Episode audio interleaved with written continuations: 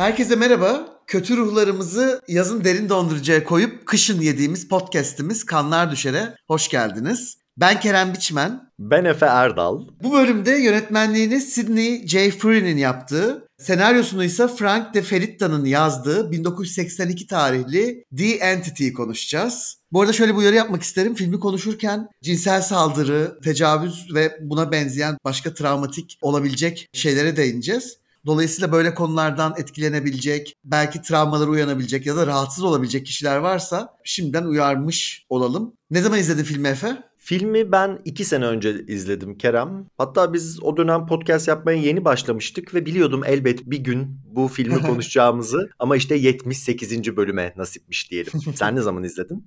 Ben hiç hatırlamıyorum Efe ne zaman izlediğimi ama ben de benim de çok geç keşfettiğim bir film bu. Yani şöyle bir şey var aslında daha önce konuşmuştuk işte kötü ruhlar, hayaletler, şunlar bunlar. Yani bunların böyle tamam benim en bayıldığım tür. Bunu konuştuğumuz her bölümde söylüyorum. Sonra bazen de şey diyorum ama bu film çok muhteşem. Sanırım ben bu alt türü seviyorum. Hani buna karar verdim. Oley sonunda itiraf geldi. Yok yok yani bu, bu gerçekten çok sevdiğim bir film benim. Ee, bu da üçüncü izleyişim falan da Efe. Ve ama tabii bu izlediğimde birazcık daha fazla sevdim diyebilirim. Bir yandan da bu film benim şey birkaç bölümde dile getirdiğim ya korku filmlerini çok seven yönetmenlerin filmi de oradan anlaşılıyor yani falan teorimin çöküşünü temsil ediyor. Çünkü bu film yönetmeni korku filmlerini hiç sevmiyor.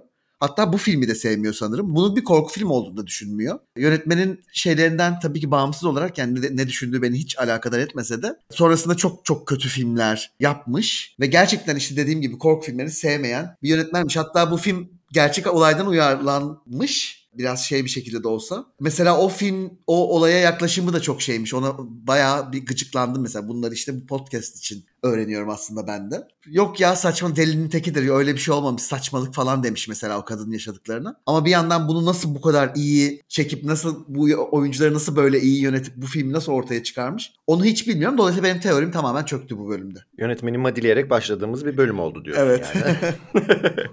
ya ben de bayağı sevdim gerçekten filmi. Yani hem anlattığı meseleyi seviyorum, hem ele alma biçimini seviyorum, hem de filmin kendi biçimini seviyorum. Yani anlatımını seviyorum. İlk dakikadan itibaren özel bir film olacağını hissetmiştim ilk izlediğimde. Konusu gereği yani kötü bir varlığın bir kadına tecavüz etmesi son derece cheesy ya da istismarcı bir yerden işlenebilecekken hiç de öyle olmamış. En azından benim fikrim bu yönde.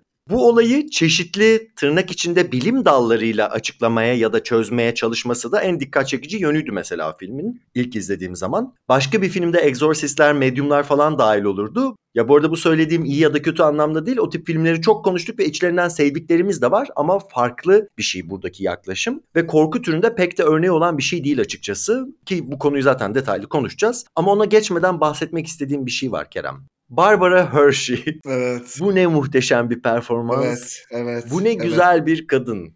Gerçi çeşitli erkekler ve erkek kodlu kurumlar, varlıklar tarafından istismar edilen bir kadının doğrudan güzelliğinden bahsetmek biraz tuhaf biliyorum ama hayranlığımı dile getiremeden duramadım. Kendisi de korku türüne pek uzak bir oyuncu değil. 2010'larda gerek Black Swan gerek Insidious serisi olsun kendisini izlemek çok keyifliydi. Kesinlikle öyle ve yani ben de buna çok benzer bir şeyle başlayacaktım. Yer yer neredeyse işte Possession'daki Isabel Adjani'ye yaklaştığını hissettim ben mesela performansının ve tamamen oyunculuktan kaynaklı kaynaklanan bence şey var burada. Yani bizden yani benden alabileceği bütün empatiyi topluyor performans. Yani inanılmaz bir şey. Yani o ilk andan itibaren bunu tam anlatamıyorum tabii oyunculuğuna dair o teknikleri ya da şeyleri bilmediğim için ama böyle o suratı, ifadesi, genel tavırları, konuşma tarzı yani her şeyiyle hani aynaya bakışıyla bile gerçekten çok iyi oynamış ve böyle dediğim gibi yani bizim hani Carla hakkında endişelenmemiz çok zor yani zaten aslında bu filmdeki şeyler kimin başına gelse endişeleniriz ya da işte empati duyarız ya da dayanışma hisleriyle dolarız ama bu bambaşka bir şey. Dediğim gibi yani burada Possession'ın anlası neyse sanırım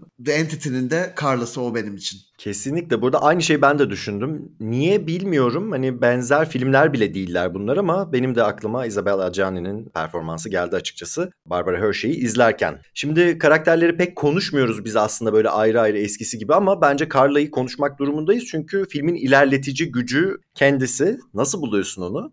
Yani Carla ya tabii ki çok seviyorum. Burada bir de şöyle bir şey var. Yani bu filmi belki temaları konuşurken konuşuruz ama karşımızda görülmeyen bir varlık tarafından işte saldırıya uğrayan, cinsel saldırıya uğrayan bir kadın var. Biz bu filmdeki entity'yi dışarı çekersek ya da o entity'nin zaten aslında işte erkekliğin tecavüz kültürünün kendisi olduğunu söylersek yani karşımızda dediğim gibi çok dayanışmamızın gerektiği böyle bir insan var ve bu, bu insanı tabii ki çok ısınıyoruz. Karaktere çok fazla ısınıyoruz. Ama sadece bu yani onun işte bu saldırıdan hayatta kalan bir kişi olduğu için değil ama peşini bırakmadığı için işte ısrarcı olduğu için tam da yani bu uğradığı saldırıdan sonra etrafındaki neredeyse herkes tarafından inanılmayan, yalanlanan kişi olduğu için ve bunların hepsine rağmen peşini bırakmadığı için bence yani bu iddiasının ya da bu yaşadıklarının insanlar tarafından anlaşılması ya da doğruluğun işte adaletin yerini bulması, bunun açığa çıkması. Hani işte ben deli değilim diye çırpınan bir kadın falan. Bilmiyorum sevebilecek çok şeyimiz var bence Carla ile ilgili. Yani sonuna kadar hani o evet bak haklıydım değil mi? Siz de gördünüz mi derkenki çırpınışları bile son derece şey orada insan yani sadece tabii merhamet gibi bir yerden değil yani o kişiyle aslında bir noktada özdeşleşmeden duramıyor bence.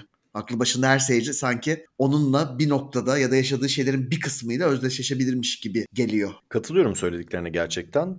Bir kere en başta büyük şehirde tek başına 3 çocuk yetiştiren bir kadın olarak bana çok güçlü geliyor bu. Ama bu gücü gerçek dışı ya da çok ideal bir yerden vermiyor film. Karakteri zaten biz bir montaj sekansta tanıyoruz. Bir ofis işi var, akşam eğitime gidiyor. Bunların hepsi hızlı bir kurguyla verilmiş koşturuyor yani kadın onu görüyoruz. Film de koşturuyor o sırada. Aynı zamanda bir gerilim müziği var altta. Yani içinde bulunduğu o dünyaya dair bir şeyler söylüyor tüm bunlar. O sırada karaktere dair öğrendiğimiz şey anneliği falan da değil bu arada. Büyük şehirde çokça çalışmak zorunda olan bir kadın tanıyoruz biz. Ne zaman eve girip kapıyı kilitliyor, müzik o an susuyor, kurgu o zaman sakinliyor. Yani tüm bunları o evin huzurunu sağlamak için yapıyor ya da diğer bir deyişle o dünyada huzur bulabildiği tek yer burası bile diyebiliriz.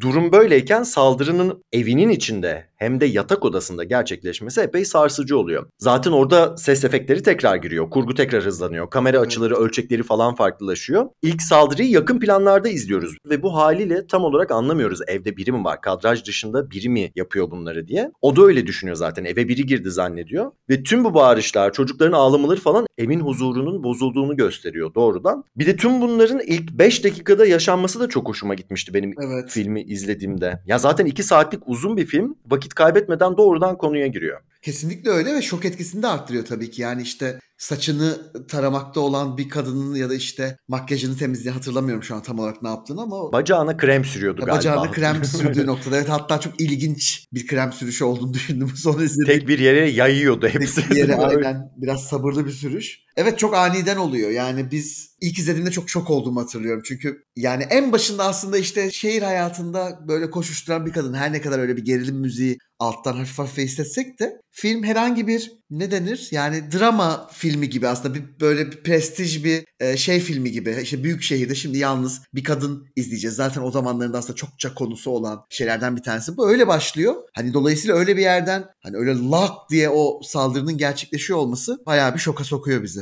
Gerçekten de öyle. Bir de hemen sonrasında böyle bir sakinlik anı yaşanıyor. Bakıyorlar evde kimse yok falan. Böyle gidiyor yatağında bir yabancı gibi oturuyor. Ondan sonra bir sarsıntı sahnesi var. Yani evdeki eşyalar hatta evde değil odadaki eşyalar sarsılmaya başlıyor. Yani saldırının sadece kadına yönelik değil eve de olduğunu söylüyor. Hatta doğrudan tekrar edeceğim yatak odasına olduğunu söylüyor. Ve onlar da evden kaçmakta buluyorlar çözümü. Geçici bir süreliğine de olsa. Ama işte ne kumsalda ne arkadaşının evinde o da kocası yüzünden barınamadıkları için geri dönmek zorunda kalıyorlar o eve. Ha tabii bu görünmez gücün etki alanı sadece evin içi de değil. Bir sonraki saldırı gündüz gözüyle arabanın içinde oluyor. Arabanın gazıyla, freniyle oynayıp ya da şöyle dersen belki filmin temasıyla daha da uygun olur. Arabanın kontrolünü devralıp kaza yaptırıyor. Yani bu her şeyden önce kadınlar iyi araç kullanamaz diyen cinsiyetçi yargının somut bir karşılığı gibi ama işin ironik kısmı ortada somut elle tutulur bir kötülük yok. Mizojeniyle yani kadın düşmanlığıyla mücadele ediyor aslında bu karakter. Yani bu çıkarım zaten entitinin görünmez olmasıyla kendini belli ediyor ama bir yandan başka parametreler de var işte. Eski kocalardan, istismarcı babalardan bahsediliyor hiçbiri resimde değil. Bir erkek arkadaş arkadaş var onu çok uzun süre görmüyoruz. Varlığından bahsediliyor. Olayın gerçekliğini anladığı durumda kaçıp gidiyor zaten mal. Arkadaşının kocasını da uzun süre görmüyoruz. Kadraj dışından sesi geliyor paso direktif veriyor yani kadına. Filmde sık sık gördüğümüz iki kadının da dünyasına dışarıdan müdahaleler var. Bir takım adamlar tarafından yani böyle söyleyebiliriz bence. Kesinlikle öyle. Zaten bu iki kadın karakter yani kız çocuklarını çıkıyorum işte Carla'nın çocuklarını. İki kadın karakter dışındaki filmdeki tüm erkekler iğrençler yani şerefsiz hani en iyiye yakın olabilecek hani en daha şey diyeceğimiz oğlu var ama o da beyinsiz gibi bir şey yani o da işte böyle tüm gün bir şey yapıyor falan yani bir tuhaf. Yani gerçekten kadınların işte akıllı, zeki, mücadeleci ve birbirleriyle dayanışma içine girebildikleri. Zaten ilk inanan da ona aslında. Çünkü arkadaşının kocası evin yerli bir olduğunu gözüyle görmesine rağmen inanmıyor. Ya bu arada bu 80'lerdeki ve 70'lerdeki korkuların pencerelerden böyle içeriye doğru giren afetleri olan takıntısı. Yani işte bunlar hep mesela bu motifler bu podcast'i yaparken yani üst üste izlediğim için ortaya çıkıyor. Normalde hayatta aklıma gelmezdi böyle bir şey. Şimdi söylerken aklıma geldi. Neyse bu konuyu geçiyorum. Adamlar e, hepsi şeyefe gözüyle görmesine rağmen inanmayan iki tane karakterimiz var filmde. Hatta üç diyebiliriz o kendi psikiyatristinde dahil e, dersek. Bütün erkekler beyinsiz. Yani bu filmde gerçekten ciddi hayatta böyle işte türlü türlü şekillerde kapasitesi olan kişiler kadınlar. Ve aynı zamanda birbirine dayanışan tek kişilerde yani kadınlar yine.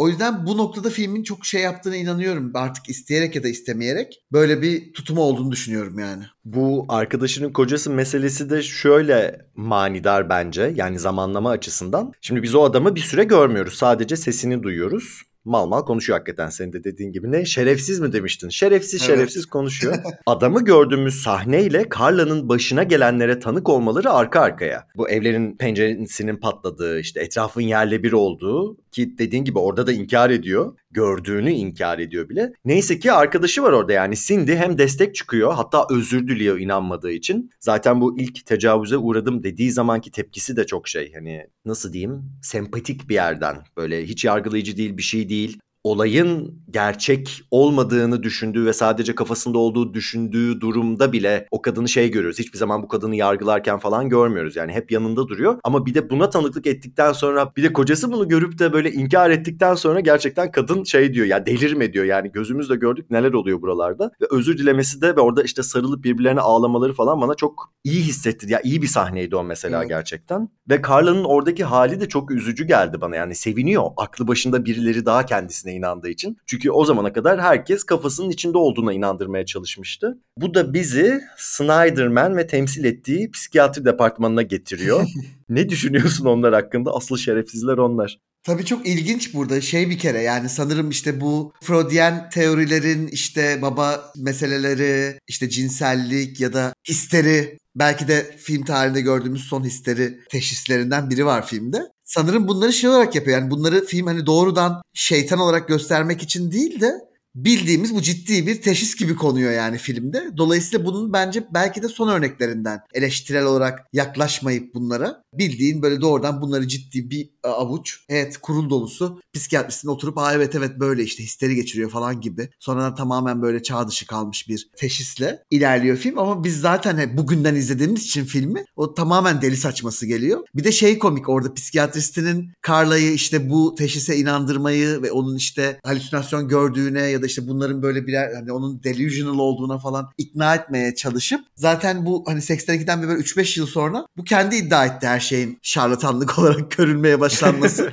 çok komik. Bu da şeyi gösteriyor bize aslında yani işte bugün mutlak ve kesin ve böyle en mantıklı açıklama kabul ettiğimiz şeyler birkaç yıl sonra tamamen boşa çıkıyor. Korkunç bir ekip. Sanırım şeyleri sormuştun orada ben yine dağıldım. E, o psikiyatristler korkunç bir Kadının söylediği bir kere hiçbir şeye bir kere inanmıyorlar. E, bir kere oraya gelirkenki kadar süreçte o tecavüz sonrası yapılan müdahale ya da işte yardım. Mesela işte o ilk değerlendirme için gelen ve fiziksel bulgura dair sorular soran hemşirenin inanılmaz biçimde ihlal edici soruları, hiçbir şekilde Carla'nın iyiliğinin ve mahremiyetinin gözetilmemesi. Korkunç yani orada korkunç bir durumda bırakılıyor kadın. Burada da daha önce bunu defalarca konuştuk. Zaten korku filmlerinin aslında medikal dünyaya, tıp dünyasına olan bakışlarını çok iyi biliyoruz ama burada tamamen yani bunlar şeytan gibi bir şey o kurul olarak toplanıp kadın çıktıktan sonra arkasından konuşurken dedim bir grup şeytan şu anda karar veriyor ve psikiyatristinin Carla'ya sanki bir tık yakınlaşması, orada bütün diğer her şeyi, etiği, şunu bunu ihlal ediyor olması ve kadına asla inanmaması.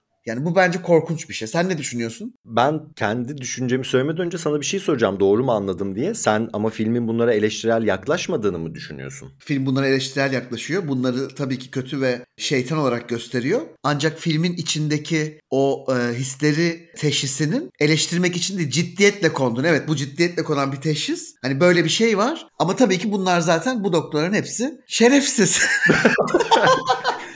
bu bölümün şeyi. Hashtag'i bu olacak. Hashtag'i bu olsun. Yok yani şöyle bak anlatabildim mi dediğimi? Anladım anladım. Bu orada gerçek bir tesis olarak var. Orada işini ciddiyetle yapan psikiyatristler olarak sunuluyorlar bize. Hmm. Yani bunlar orada bize şarlatanlar olarak sunulmuyor. Evet kötüler ama işlerini ciddiyetle yapan psikiyatristler olarak kötüler bunlar. Anladın mı? Evet o dönemlerde çıkan ve şarlatan olarak sunulan ve bu tip işlerle uğraşan insanlar daha çok kişisel gelişime yönelik Evet karakter. Howling'deki gibi mesela. Howling'deki gibi, Brute'daki gibi falan böyle. Evet, evet, evet. Onu anlatmaya çalıştım. Burada bayağı bildiğin işte kan testi yapacağız, şunu yapacağız, bunu yapacağız falan diyorlar ama hepsi saç, saçmalık içinde her şey yani. İşte şimdilerin kişisel gelişim meselesi ciddiye alınır Evet. oldu. Evet. Döneminin şarlatan olarak düşünülen tarafı da şimdi ciddiyetini buldu. Günümüzde buldu vallahi. Bu da enteresanmış gerçekten. Şimdi biz daha önceki bölümlerde de özellikle bu tip filmlerde gözle görülür kanıtın, tanıklığın, bilimsel bulguların öneminden farklı filmlerde ne şekilde ele alındığından falan bahsetmiştik. Burada doğrudan filmin kötü adamları gibiler gerçekten. Yani bir varlık var bir yanda bir de burada bir kurum var. Ama psikiyatriyi doğrudan çöpe atmadan önce filmin bağlamıyla birlikte ele almak gerektiğini düşünüyorum. Nihayetinde doktorun söylediği işte canavarlar arzuların kişilik bulmuş halidir. Bastırılan duyguları temsil ederler sözünü onlarca bölümde biz de sarf etmişizdir. Hatta doktorun kendisi söylemese eminim ben de işte elini kolunu bağlayan ikisi küçük biri büyük üç varlığın çocuklarıyla bir tutacak çıkarımlarda bulunabilirmişim gibi geliyor yani. Evet ama biz bunları filmleri okurken kullanıyoruz. Hani insanları teşhis edip Teşhis. seni zorla hastaneye kapatacağım derken değil yani. Çok Aynen. o sulandırılmış ve şey bir versiyonu tabii ki eğlenceli bir versiyon ama burada adam çok korkunç bence o psikiyatrist yani. Doğru. Bir de burada göz ardı ettikleri şey kadının topluma yayılmış olan seksizmle baş ediyor olduğu aslında. Hatta bunu kendileri yeniden üretiyorlar. Doğrudan cinsel gerilimle kadının hayatına giren ve giden erkeklerle kurduğu ilişkiye indirgeyerek öyle ki kadının bedeninde kendisinin yapamayacağı izleri bile histeriyle falan açıklıyorlar. Ee, o tarafları ciddi anlamıyla sorunlu ama işte sorunlu görmemiz beklendiği için de anlamlı geliyor mesela bana. Yani bir de belki yani bunu kesin konuşuruz. Ortada bir doğaüstü bir saldırı var. Bu doğaüstü saldırının saldırı sırası, sonrası, etrafın verdiği tepki, kadının deneyiminin herhangi bir kişinin cinsel saldırıya uğradıktan sonra ve bunu insanlara açıklamaya ya da duyurmaya başladığı itibaren ki o iki şablonun birbiriyle böyle tak diye oturması. Yani hiçbir şey sekmemiş. Çok ilginç. Hem de 82'de yapılıyor bu film Hı hı. işte cinsel saldırıya uğrayan birinin mesela işte kadın sevgilisine söylemekten korkuyor çünkü bana inanmaz diyor. Hani mesela cinsel saldırıdan hayatta kalan insanların en büyük korkusu ne? Genelde böyle insanları bunu açmaya karar verdiklerinde inanılmaması buna. Hı hı. Yani onun dışında etraftakilerin verdikleri tepkiler yine ilk inananın ya da onun en büyük işte dayanağının başka bir kadın olması falan filan gibi. Yani hep ve kanıt. Yani hep şimdi kanıt hatta kanıt sunuluyor. Kanıt sunulduğunda yine de inanılmıyor. Çünkü o sistem yani o erkek sistemi tamamen kadının beyanını ya da işte söylediklerini değersizleştirmek üzerine çalışan böyle korkunç bir makine gibi. Yani bu adamlar gözleriyle görseler de inanmıyorlar. Doğru. Çünkü buna inanmamaya zaten and içmişler. Bir de şey biz onu görmüyoruz ya mesela Entity'yi hiç Efe. Tam da zaten bu saldırıların failleri genelde çok görünmezler. Yani biz bir kadın saldırıya uğradığında bile kadının adını ya da fotoğrafını ya da ya bu arada saldırıya uğrayan bir kadın olmak zorunda da değil. Yani daha çok kadınlar uğradığı için böyle söylüyorum ve bu filmin bağlamında böyle söylüyorum. O failleri görmüyoruz genelde. Failler hep görünmezler. Buradaki entity'nin görünmezliğiyle onların bunları hani iki anlamda da görünmez. Olay ortaya çıktıktan sonra bile görünmez. Olaylar olurken yani işte film endüstrisi kocaman bir endüstri 25 yıl devam etmiş sistematik tacizler ve saldırılar var ama bunlar hiç görünmemiş mesela. Entity gibi bildiğin yani o adamlarda. O bakımdan da bu böyle çok üst üste örtüşüyor. Yani bu apaçık. Yani bu alegori bile diyemiyorum filme. Sanki doğrudan bunu anlatıyor gibi çünkü. Gerçekten de öyle. Tam da işte bu entity'yi görmüyor olmamız da bu okumayı çok daha mümkün kılıyor yani. Evet. Yani hem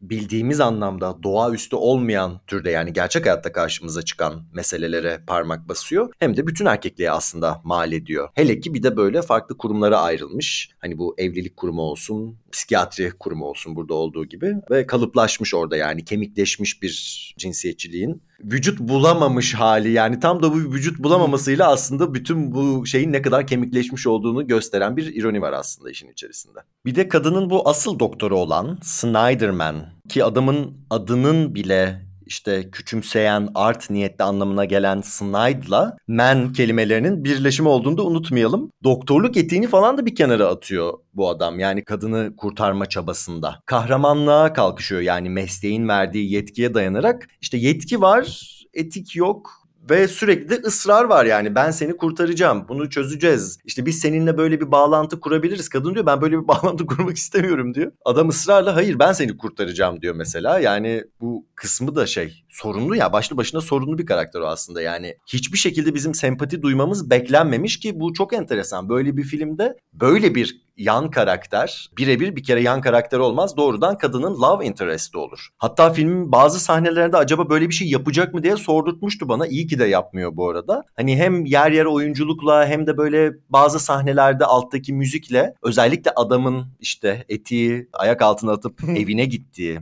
ya da evine kadar girdiği diyeyim sahnede böyle bir şey var. Yani kadın işte geçmiş deneyimlerini anlatıyor, babasını anlatıyor, eski kocalarını anlatıyor falan. Ki yani kadın orada hakikaten onca olaya rağmen nasıl kendi başının çaresine baktığını anlatıyor. Bu sahnede böyle bir beklenti yaratıp daha sonra o beklentiyi karşılamamış olmasına hoşuma gidiyor mesela film. Aynen dediğin gibi bunu ben de bir noktaya kadar böyle bekleyip sonra böyle bir şey olmayınca da tek taraflı bir şey gibi sanki. Mesela adam adam kadından hoşlanıyor mu sence Efe? Yani yaptığı şeylere başka bir açıklama getiremiyorum. Ama tam da bu beklentiler bu yüzden yaratılıyor ya. Bir hani bu tip filmlerde böyle ilişkilermelere alışık olduğumuz için doktor ya da değil hani kadını gelsin biri kurtarsın amenna denildiği için çok uzun süre. Bir yandan da işte biraz oyunculuğun biraz o sahnelerde müziğin de getirdiği ki bu galiba dediğim hani çok sahne değil de bir sahnede iki sahnede falan var galiba. Ben başka açıklama getiremiyorum. Hoşlanıyor Evet, herhalde yani bu evet. doktorluk mesleki hırstan falan değildir. Ben bu kadını kendim kurtaracağım diye. Ya da diğer ekiple çatışma içinde olduğundan falan değil gibi geliyor bana. Evet bir de böyle durumlarda mesela karakterimiz aslında ilk başlarda o ilk tabii ki olayın verdiği bütün o kırılganlıkla en azından en başta bir inanır doktora falan. Burada hiç yok. Carla direkt hani o hastaneden çıktığında çünkü ne yaşadığını o kendisi biliyor yani en iyi. Ondan iyi bilebilecek hiç kimse yok. Bir de şeyi çok seviyorum. Bunun bu evinin replikası yapıldığında işte bu deney için Entity'yi işte Tuzak. zapt etmek için tuzak entity kapanı yapıldığında adama şey diyor ya yani seni istemiyorum, senin yardımını da istemiyorum. Ben bunu yapacağım ama buradan git. O şeyi çok sağlam yani bence Carla'nın duruşu orada. Zaten nitekim insanlar kendine inandığında Carla daha da güçleniyor. Çünkü o noktadan itibaren biraz şey moduna giriyor yani artık o entity'ye gidiyor gibi. Hani yani o ona koşuyor gibi. Burada şeyi de söylemeden geçemeyeceğim. Gerçi bu fallik nesneler odak kişimiz sensin ama ne? fallik kişiler için odak kişimiz. Hani genelde o konuyu sen açıyorsun. Ee, filmlerdeki fallik nesneler diyelim. Hı hı. O mesela entity'yi aslında entity'yi etkisiz hale getirmek için ama bir yandan da deney aksayıp şeye göre gitmeyip plana göre o yaşanan terör anında yine entity ile savaşan şeyler de birer böyle fallik şeydi fark ettiysen. Bunlar bir anda böyle sanki erekte oluyor gibi böyle o eve doğru gelip foş diye bir şey fışkırtıyorlardı. O da öyle bir bende şey yarattı yani öyle bir imaj yarattı ama yani bilmiyorum filmin kesinlikle erkeklikle ilgili bir meselesi var diyebilirim. Kesinlikle öyle. Ee, bu diğer ekibe deney yapan ekibe geleceğiz. Bir tek şeye dair son bir şey söyleyeceğim. Bu işte daha psikiyatri tarafına dair. Bilhassa bu Snyderman'e dair. Sahnelerin bir tanesinde hatta yanılmıyorsam bu az önce bahsettiğim böyle kadının evine gelip doğru o sahnede olması lazım zaten. Bu derdini anlattığı kadının e, işte geçmişini anlattığı diyelim sahneden hemen sonra evden gidiyor ve adam gider gitmez gerilim müziği yeniden başlıyor ve kadın tekrar tecavüze uğruyor bu sefer çocuklarının önünde. Ama bana kalırsa film şöyle bir şey demiyor mesela. Bak adam evde yokken neler geliyor başına gibi bir söylemde bulunmuyor.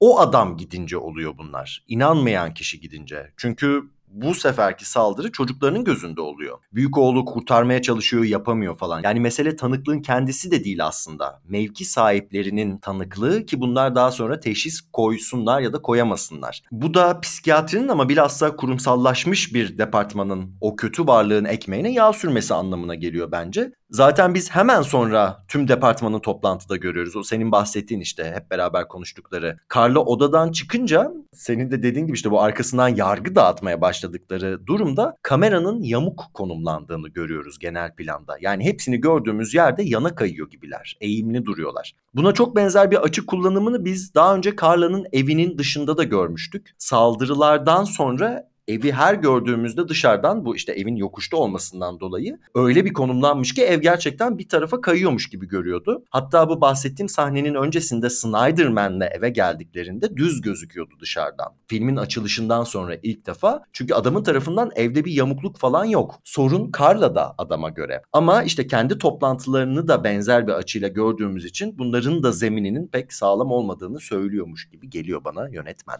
Evet ya öyle olan başka sanırım küvetteyken falan da o söylediğin böyle yamuk açılardan aslında ben de bayağı bir yakaladım filmde. Tuhaf hani yani kamera hani işte karakterin hizasında değil ama tam tavanda da değil ya da tavandaysa da böyle yan tarafta gibi yani böyle çapraz gibi duruyor. Ee, bu kesinlikle bence şey yapıyor yani bu e, çok net yani bilinçli bir şekilde yapılmış bir şey. Tam da işte belki tanıklıkları ya da şunu bunu ya da filmin ya da bizim hani filme işte karakterin yaşadıklarıyla ilgili olan şeyin aslında ne kadar korkunç olduğunu falan anlamamız için dolaylı yoldan. Bir de işte böyle şeyler çok tekinsiz bir his veriyor. Çünkü öyle görmüyoruz genelde biz hani bir yerin köşesinden çıkıp yamuk bir biçimde görmediğimiz için normalde hayatı. İster istemez o arka planda bence işliyor. Filmi görme biçimimizi etki ediyor. Bu Dutch angle'lar çok kullanılıyor bu arada filmde. Yani bu ilk psikiyatrist görüşmelerinde falan da çok var. Alt açılar, üst açılar, yamuk açılar falan. Hani ne anlattığından ziyade bir de nasıl anlattığında sinemayı ve filmi işte diğer filmlerden ayıran ve işte biricik kılan şeylerdir ya. Gerçekten yönetmenin bu tip öğeleri kullanmış olması filmin anlamını da işte hissini de arttırıyor. Anlamının altını da çiziyormuş gibi geliyor bana hakikaten senin de dediğin gibi.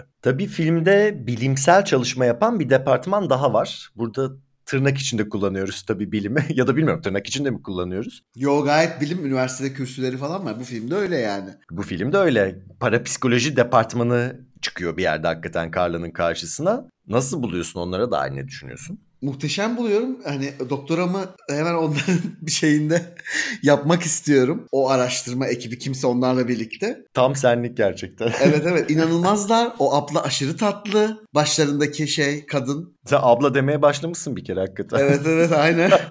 Adamlar tabii biraz daha şüpheli kadına göre ama oradaki o işte Carla'nın onlarla karşılaşma anı ve mesela Carla şey çok güzel ya Efes 80 yani bunu her seferinde söylüyoruz ama insanların gerçekten kitapçıya ya da kütüphaneye başlarına gelen konu hakkında bilgi edinmek için kitap almaya gittikleri zamanlar gerçekten yani her seferinde böyle şey hissediyorum bu sahnelerde. E burada bir de önemli bir şey vesile oluyor. İşte o iki tane e, adamla tanışıyor falan. Yani onlar tabii diğerlerine göre daha sevimliler. Çünkü bunlar bir kere inanıyorlar. Her ne kadar tuhaf ve saçma işte o entity'yi dondurmak gibi tuhaf bir yol da bulsalar şey için. Yani filmin belki bu bütün baştan sonraki o ağırlığı ve o ciddiyeti ve şeyi birazcık o sahnelerde şey oluyor diyebilirim. Çok eğlenceli olmakla birlikte o sahneler. Yani onların o tatlı buluyorum ama genel olarak hepsini onların. Yani çünkü onlar Carla'yı daha sanki koruyor. En azından inanıyorlar ona. Öyle ya da böyle. Hani mesela ona inanıyorlar. Ya bir noktada oh be dedirtiyor gerçekten meseleye dahil oluşları. Böyle bir hissi mesela Conjuring'i konuştuğumuz zaman bu karı kocanın eve gelmesiyle bir hissediyorduk. Ama onların temsil ettiği şeyleri de sevmiyorduk. Doğrudan çünkü din propagandası gibiydi. Burada bilim olunca mı acaba şey dedirtiyor bize oh be dedirtiyor bilmiyorum ki. Evet ya bir de şey çok garip. Şimdi hani dedim ya ben cinsel saldırılarla bu entity'nin saldırıları ve yaşanan her şey çok örtüşüyor birbirine diye. Ee, mesela cinsel saldırı yaşayan kişiler işte bunu hemen ya da birkaç yıl sonra ya da uzun yıllar sonra açıkladığında genelde karşı tarafın yaptığı şey hep şey oluyor Efe. Hemen onu ve ona inanan herkesin ünvanına zarar veriyor. Onların inanılmaz kişiler olduğunu, ya onların zaten yalancı olduklarını, kötü olduklarını, onların reputasyonlarına zarar vermek üzerinden işliyor. Şimdi sen bir şey açıkladın. İşte ben sana işte Efe'ye inanıyorum, onu destekliyorum. Bir anda mesela ben de şey oluyorum. O da zaten böyleydi, onun da şu, şu şeyleri. Burada tam olarak aynısı oluyor. Carla'ya birisi inandığı anda yani bu parapsikoloji çalışan ekip işte o üç kişi. Diğer tarafın yaptığı ilk iş bunların ne derece şarlatan, ne derece yalancı ve kötü insanlar olduğunu söylemek oluyor. Bu bile örtüşüyor. Hani dedim ya böyle bir sürü şey örtüşüyor. Bir de din dedin dinle ilgili de şey filmin işte bir nevi possession da değil aslında. Yani ruh, kötü ruh, hayalet, gözle görülmeyen şey, doğaüstü olay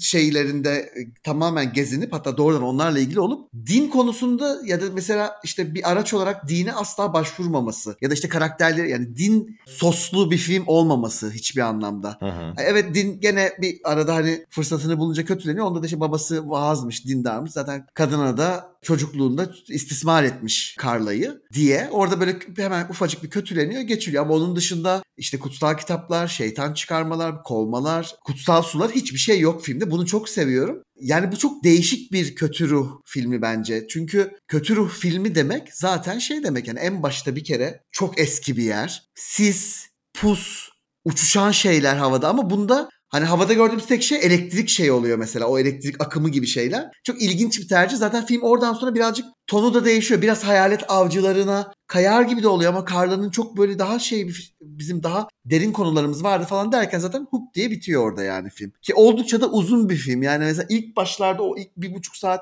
ne yaptı da film böyle beni çok hani hiç sıkılmadan izledim ama o kısmı bilmiyorum. Ee, dediğim gibi yani film böyle ton olarak o hayalet avcılarına kaydığı yerlerde birazcık şey oluyor gibi ama onu da affediyorum işte. Film çok sevdiğim için aa güzeldi diyorum bitti falan. Biraz daha kalabalıklaşıyor belki o yüzden de olabilir. Dediğin gibi tonu da değişiyor. Çünkü burada da hani tanıklık, işte kanıt mevzuları falan işin içine giriyor ister istemez. Ama onların varlığı Carla'ya güç veriyor mesela. İşte rahatlatıyor, Evet. huzur buluyor. Varlığın kendini gösteriş hali bile değişiyor. Ya da şöyle diyeyim varlığın kendini göstermeye başladığı anlar bile olmaya başlıyor. Hı hı. Bu yeşil ışınlar, elektrik akımları falan görüyoruz. Yani senin de dediğin gibi hakikaten korku ikonografisinden uzak bunlar. Hatta bilim kurguya kaydığını bile söyleyebiliriz bu noktada. Ki yine psikiyatristler tarafından bu bilimin kurgudan ibaret olduğu söyleniyor ama şöyle bir etkisi de oluyor. Onlar varken zayıflıyor bu varlık. Yani Carla'ya inanan, destek veren birileri olunca gücünü kaybediyor. Evet. Bu senin dediğin gibi o insanların reputasyonlarına zarar veriyor olabilir ama bir diğer tarafta da böyle bir etkisi var. Hatta bir noktada bildiğin grup hak falan yapıyorlar işte. Aa gerçekten de varmış diye yay deyip böyle sarılıyorlar birbirlerine. Orası da komik bir andı gerçekten.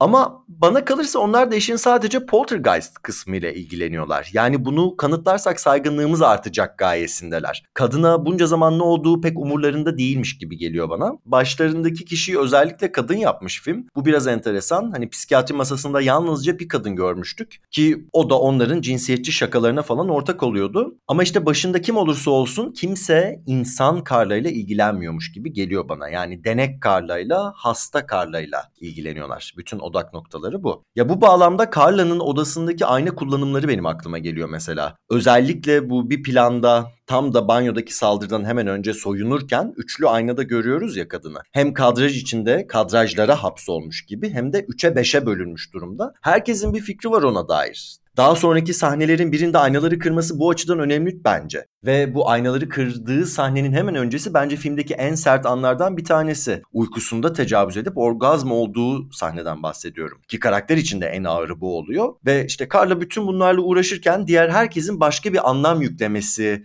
olanlara iyice sinir bozucu oluyor. Ha bu psikoloji departmanı varlığı yakalamak istediği için yine de biraz daha sempatimizi kazanıyor. Ama onlar da başarılı olamıyorlar bu arada. Hatta varlık onların aygıtlarını kullanarak işte bu sıvı nitrojeni falan neredeyse kadını öldürüyor. Yani onları da ele geçiriyor. Gerçek bir poltergeist yani. Yapabildikleri tek şey kısa süreliğine onu hapsetmek oluyor. Ama onda da psikiyatrinin bölüm başkanını ikna edemiyorlar. Gözüyle görmüş olmasına rağmen. Gerçi orada gözüyle tam olarak ne görülüyor anlamadım. Ben de ne gördüğümü anlamadım. Orada bir buzdağı falan oluşuyor gerçekten ama. ama nihayetinde onlar da basiretsiz çıkıyor. Yani yardım edemeyip deney alanını izlemekle yetiniyorlar sadece. Yani aslında varlığın kendinin yani kendi kütlesinin donduğunu düşünürsek aslında varlık o boyutta bir şey. Hı hı. Ama o boyutta bir şeyin mesela bilmiyorum yani bir eve girebilmesi falan or- oralar bayağı şey. Sonra sanırım zaten o buzun içinden kaçıyor aslında. Tabii patlatıyor. Değil mi? Öyle bir şey oluyor. Aynen, patlatıyor falan. Eve geri dönüyor hatta yani. Kaçıyor. Zaten o sıvı hidrojen de hani Carla ve psikiyatrist dışında dokunduğu her şey anında hani tuz buz ediyor ama hani Carla foşur foşur içinde kalıyor. O nasıl bir kaçış? Hiçbir şey anlamadım yani oradan. O biraz ucundan hani sisi değiyormuş da bilmem nesiymiş Aynen. falan gibi. Yani çok değmeden kaçıyorlarmış izlenimi vermişler de ben de şeye şaşırmıştım hakikaten. Ulan her taraf Evet. senin de dediğin gibi yani bir anda çatlıyor ediyorken bunlar nasıl böyle o etten halleriyle dışarı kaçabildiler. Yani ben yönetmenin işte bu gerçek Carla Mora'nın Kaliforniya'da yaşayan hikayesine inanmamasına falan çok kuruldum bu arada. Hmm. Ama filmi seviyorum dediğim gibi yani. Sen gerçekten inanıyor musun böyle bir şeyin yaşandığına? Ben gerçekten inanıyorum yani. Sen inanmıyor musun? Vallahi Yani bilmiyorum orada değildim. Hani çok e- emin değilim ama hani yaşanmıştır. Yani böyle şeyler çok yaşanmıyor mu ya? Filmin bu arada Türkçesi Karabasan Hı hı. olarak hani şey Türkiye'de gösterime girmiş. Bir bakalım filmde ne yok? Karabasan yani filmin Karabasan'la hiçbir alakası yok aslında. Tamamen uyku odaklı bir film de değil. Hatta sadece bir tanesi uyurken oluyor. O da şey orgazm oldu. O hani daha böyle az şeyle atlattığı sefer. Onun dışındakilerin hepsi zaten bu kadın uyanıkken oluyor. Dolayısıyla filmin adı neden Karabasan? Yani tabii ki onu sorgulamıyorum ama sen Karabasanlarla hiçbir şey oldu mu? Yani öyle bir yakınlığın? Oldu oldu. Ben 15-16 yaşında ilk sarhoş olduğumda uyandığımda Karabasan gördüm. Tepemde sakallı bir adam elini karnımdan içeri sokmuş ve sakallı dede falan da değil böyle kaba sakal bir adam böyle Hmm, deşiyordu böğrümü. Acayip korkmuştum. evet. Yani hemen üzerine bu filmde de olduğu gibi bilimsel açıklamasına baktım ve rahatladım açıkçası. Ya ben bu tip şeylerin filmlerde eğlenceli olup gerçek hayatta çok karşılığı olmadığını söylüyorum zaten. O yüzden seninle Scully ve Mulder gibiyiz. Evet ya ben aslında bilimsel açıklaması ben çok çocukluktan itibaren çok hani ilk başlarda tabii ki çok korkardım ama böyle bir artık 15-16 yaşına falan gelince korkmamaya başladım. Şu an hala çok sık yaşıyorum geceleri böyle buna benzer durumları. Hiç korkmuyorum artık. Hatta geçenlerde arkadaşlarıma anlatıyordum. O kadar sıkıldım ve o kadar şeydim ki böyle e, bir noktada uyurken o ağırlıkla böyle uyanıp gerçekten üzerimden bir şey alıp yere fırlattım. Git başından hani böyle küfür ederek falan gibi. Yani bu moddayım şu anda ama ben de bilimsel açıklamalarına baktığımda e, aslında inanmıştım ve ben de öyle görüyordum onu. Yani o sıralar böyle şeydim. E, sonra eski sevgilimle bize böyle bir üst üste işte birkaç gün boyunca hatta aynı gece iki kere ikimize aynı anda şey oldu yani bir anda yatakta uyurken gözlerini açıyorsun birbirine bakarak sonra başına gelen şeyi anlatıyorsun ve birbiriyle tamamen aynı. Hayda. Daha da önemlisi sonra neyse uyumayalım o zaman falan deyip inanılmaz bir uyku bastırması Efe ama ben sana bunu anlatmıştım ya herhalde. Ben hiç hatırlamıyorum valla. İnanılmaz bir uyku bastırması yani böyle hani gözümüzü açıklanır. Gerçekten Nightmare on Elm Street uykusu şeklinde tekrardan uyuyup uyuduğumuz an yani ikimizin de uykuya kendimizi bıraktığımız an tekrardan yaşayıp gözümü açıp sana da mı oldu sana da mı oldu deyip kafayı yeme. Zaten o bunlara hiç inanmayan biri bu arada. Tamamen bunlarla dalga geçen biri. Dolayısıyla onun için çok kötü oldu bunu yaşamak hani bizzat yaşamak. Orada da iki kişiyi aynı anda aynı şeyin olma şeyi hani o bedensel olarak bizim vücudumuzdaki işte şu hormonun salgılanıp ötekini beyin bilmem ne uyan komutu verip de kasların hala uyanamamış olması vesaire nasıl iki kişiye aynı anda aynı fizyolojik şeyler oluyor onu bilmiyorum açıklayamıyorum da. Böyle bir olay yaşadık yani ben o yüzden çok içi dışıyım Karabasanlarla çocukluğumdan beri. Yakın bir ilişkim var diyebilirim yani. Aynen. Bu filme bir de senin gibi bir karakter lazımmış o zaman gerçekten. Gelip olayı Evet. çözsün bu Poltergeist'teki Zelda gibi. Sence Poltergeist mi iyi bu film mi iyi? ya ikisi de çok farklı filmler ama bence Birini seçmek zorundasın. Entity'yi seçiyorum. The Exorcist mi bu mu? Çok farklılar evet ama işte seçmek zorundasın. Yapacak bir şey yok. Ya yapacak bir şey yok. Yapacak şey- Kafama silah mı dayandı, başıma şey mi oturdu, karabasan mı oturdu? İkisi birlikte oldu. Sen söyle bakayım, sen hangisini seviyorsun? Poltergeist mi, önce Entity mi? Entity. Tamam. Exorcist mi, Entity mi? Senden kopya çekerim en kötü. Entity ya. Gerçekten mi? Entity. Evet evet. Yani o mesela Exorcist'i sansasyon haline getiren her şey bu filmde de var bence ki bunu bir rip-off gibi görüyorlar birazcık anladığım kadarıyla Exorcist'ten. Öyle bir şey de bilmiyordum. Hadi ya öyle miymiş? Sonradan öğrendim okudukça aynen. Ama bu daha farklı bir film bence ya. Yani şey Exorcist bunun yanında çok daha kaba kalıyor.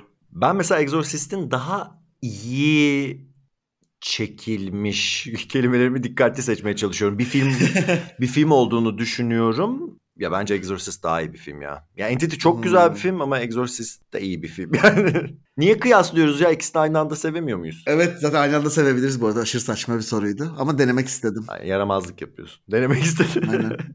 Ee, bu arada diğer başka filmlerden de bahsetmişken mesela bu filmin bu sondaki deney düzeneği bana biraz şeyi de hatırlattı. Tam da benzer dönemlerden çıkmış olan Halloween 3'ün ev ortamının deney alanı olarak kullanılmasından bahsetmiştik o filmde. Burada da da aslında benzer bir şey yapıyorlar. Hatta galiba iki film de aynı yıl çıkmış olmalı. İkisi de 82 yapımı. Şu açıdan önemli bu. Şimdi 80'lerin başı Amerika'sını düşününce bir kadının tek başına evine benzeyen bir deney ortamında gözlemleniyor olmasının politik bir karşılığı da var aslında. Tam da 60'lar ve 70'lerdeki ikinci dalga feminizmin yani aile içi şiddetin, tecavüz kültürünün falan tartışılmaya açıldığı dönemin üzerine yaşanıyor bütün bunlar. Ve bütün bu filmlerde tam buraya denk düşüyor. Snyderman mesela her ne kadar Carla'yı oradan kurtarıp beyaz atlı prenslik yapsa da kendini kurtaran kişi yine Carla'nın kendisi oluyor. Mesela filmin gerçekten sevdiğim taraflarından bir tanesi. O deney ortamından yani o yapay evden dönüp kendisini eve hapseden varlığın ki bunu kesinlikle Freddy Krueger'ı hatırlatan bir ses tonuyla yaptığını unutmayalım bence.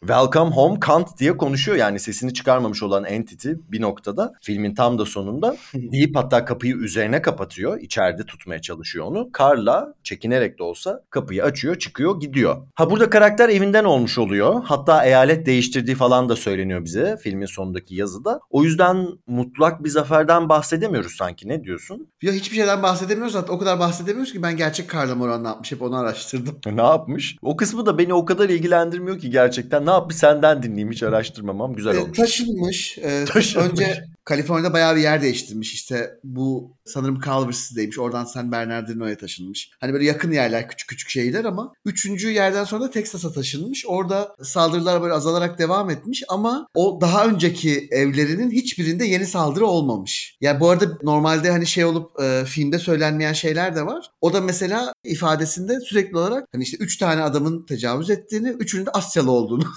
Gerçekten mi? Evet. Hmm. Yani Carla Morel, gerçek Carla Morel aslında ırkçı yani ya da bir, bir şekilde artık neyi hani reflect ettiğini bilmiyorum. Zaten orada bir varlık gibi değil yani. Üç tane Asyalı adammış yani orijinalinde. Yani en azından kadının iddiası. Tabii film için bayağı bir şey yapılmış burada. Bu o artık bir korku unsuruna dönüşmüş entite olup. Güzel böyle bir şey evrilmeyip de böyle yorumlamış olmaları güzel yani. Hani kadının Evet, ağzından evet. öyle bir laf çıkmış olması. Carla karakterine bakışımızı biraz değiştirdi gerçekten yani.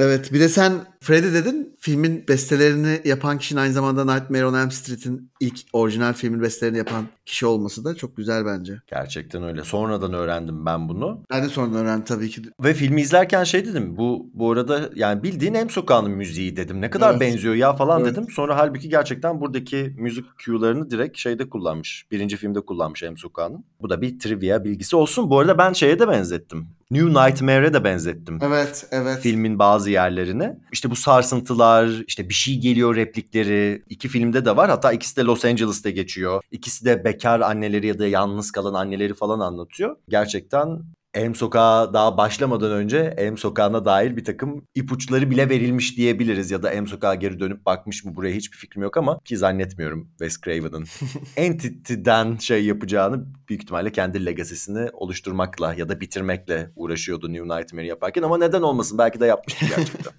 Scorsese'nin en sevdiği korku filmlerinden biriymiş mesela bu yani. Evet. O yüzden neden Craven'ın da olmasın? Aynen. Bir yandan tabii çok gergin bir film. Yani o ilk saldırıdan sonra artık şeyi anlayınca yani bu kadın yalnız başınayken hani bunlar olabilecek. Mesela ondan sonra her yalnız kaldığında çok inanılmaz bir gerginlik. Yani işte perde uçuşsa perde acaba rüzgardan mı uçuştu entity mi geliyor gibisinden böyle bir şey alıyor bizi. Bir de şey dedin sen az önce ev ve kadın evde olmak, evin içinde dışında olmak falan gibi. Burada sevindim yani düşünmemiştim böyle bu anlamları. Senin böyle söylemene sevindim çünkü diğer türlü hani tamamen boşa giden bir orada dünyanın en kötü harcanmış deney parası. Çünkü zaten bu kadın nereye gitse entity geliyor onunla yani. Deney parası. Hani oraya yok o şey parapsikoloji bölümünün parasından bahsediyorum. anladım anladım da bize ne canım? Tamamen boşa gitmiş. Yani Kanıt bile sunamıyorlar yani. arabaya geliyor, arkadaşın evine geliyor. Kadın nereye giderse geliyor entite. Hiç sorun değil yani. Texas'a da gitmiş onunla. Hani burada o olay kadının olması. Dolayısıyla bir camdan hani böyle bir küp yapıp içine küçük bir bölme yapıp falan filan gibi düşünüyorum. işte bütün evde dediğim gibi orada o hayalet avcıları şeyini çok kaptırmış film nedense. İşte işe yaramamış olması yani hani hiçbir açıdan hani ne kadını kurtarabiliyorlar ne onu hapsedebiliyorlar ne başkasını ikna edebiliyorlar bu şeye. Çünkü hani filmin meselesi de zaten bu değil yani onlar da dışarıdan gözlemci olarak geliyorlar deney gibi bakıyorlar. Biz kadının kendi mücadelesine odaklanıyoruz yani filmin başında işte o bir buçuk saat nasıl geçti derken biz çok uzun süre kadınla beraberiz. Hakikaten işte o kadın yalnız kaldığında tedirgin olması arkadaşıyla yan yana yatarken evin içinde bile olsa o dışarıdaki ağaç gölgeleri böyle sanki evin içinde bir şey geziyormuş gibi böyle yaratıklar eve dadanmış falan gibi hissettirmesinin etkisi orada tabii ki de biraz azalıyor ama işte çözümün de orada olmadığını görmüş oluyoruz. Yani anti climax gelebilir gerçekten film bu anlamıyla ama kadının ve karakterin yolculuğu anlamında da bana anlamlı geliyor. Yani evet evinden çıktı ama ona da boyun eğmedi. Ya bu sondaki yazı şeyi tasdik ediyor. Yani evet mutlak güzel bir son yok burada. Gerçek olaylara dayanıyor. işte tarih veriyor. En kötüsü bir de şey diyor yani saldırılar sıklığı azalmış olsa da hala gerçek Carla Mora'nın başına geliyor diyor. Yani sonda sırf gerçekten yaşandığı iddiasıyla korku hissi yaratmak istemişler. Ama bir yandan da tam da yazı kullanarak filmde eleştirilen, kanıt isteyen kurumların yöntemlerine başvurmuşlar. Yani bayağı tarih vermiş, yazı yazmış. Hani gün ışığında orada karakterlerin mutlu olduğu bu anın üzerine bunu düşürmesi bundan kaçış olmadığını söyleyerek olumsuz bir tablo oluşturuyor. Burasını biraz sorunlu buluyorum açıkçası. Film bu yazıdan bağımsız olarak da zaten mutlu bitmiyor. Varlık hala etrafta. Yani filmin içinde de öyle. 82'de de vardı. 2023'te gerçek hayatta da var bununla yaşamayı öğreniyor karakter ya da bununla mücadele etmeyi öğreniyor. Ki bu şu açıdan da önemli. Hani daha önceki sahnelerde bu Snyderman'e mesela seninle savaşmayacağım yeter ki olayı çöz diyordu bir ara böyle teslim ediyordu kendini. Bir noktada varlığa teslim olacağım diyordu. Erkek arkadaşına keşke beni cebine koyup götürsen diyordu. En sonunda kendisi gitmek durumunda kalıyor. Teslim de olmuyor yani onu evde kapalı tutmak isteyen varlığa. O yüzden hani bu açıdan da baktığımızda bütün bu süreç bence acı tatlı. Hani Evet. e, biraz da gerçek hayat gibi ama gerçekten. O yüzden hani başında da demiştim ya çok ideal bir güçlü kadın tablosu değil buradaki. Başına gelen her şeye rağmen ayakta kalmayı öğrenen bir kadın izliyoruz biz. Ya bir de bence o finaldeki işte evi topladıkları aslında evi de toplamışlar çoktan evden gittikleri sahnede arkadaşını görmemiz de güzel. Çünkü bu filmde arkadaşlığın gerçek dayanışmanın önemi de vurgulanıyor bana kalırsa. Yani Cindy'nin kocası ters laf etti diye arkadaşına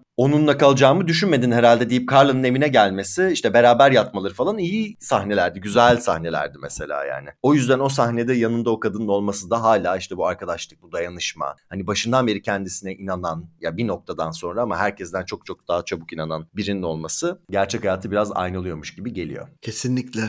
Evet, bizim bu filme dair söyleyeceklerimiz sanırım bu kadar. Bir de biz iki siz erkek olarak konuştuk bu hikayeyi. Yani eksik yorumladığımız, yanlış yorumladığımız yerler olduysa da affola diyoruz. Dinlediğiniz için teşekkür ederiz. Bir sonraki bölümde görüşmek üzere.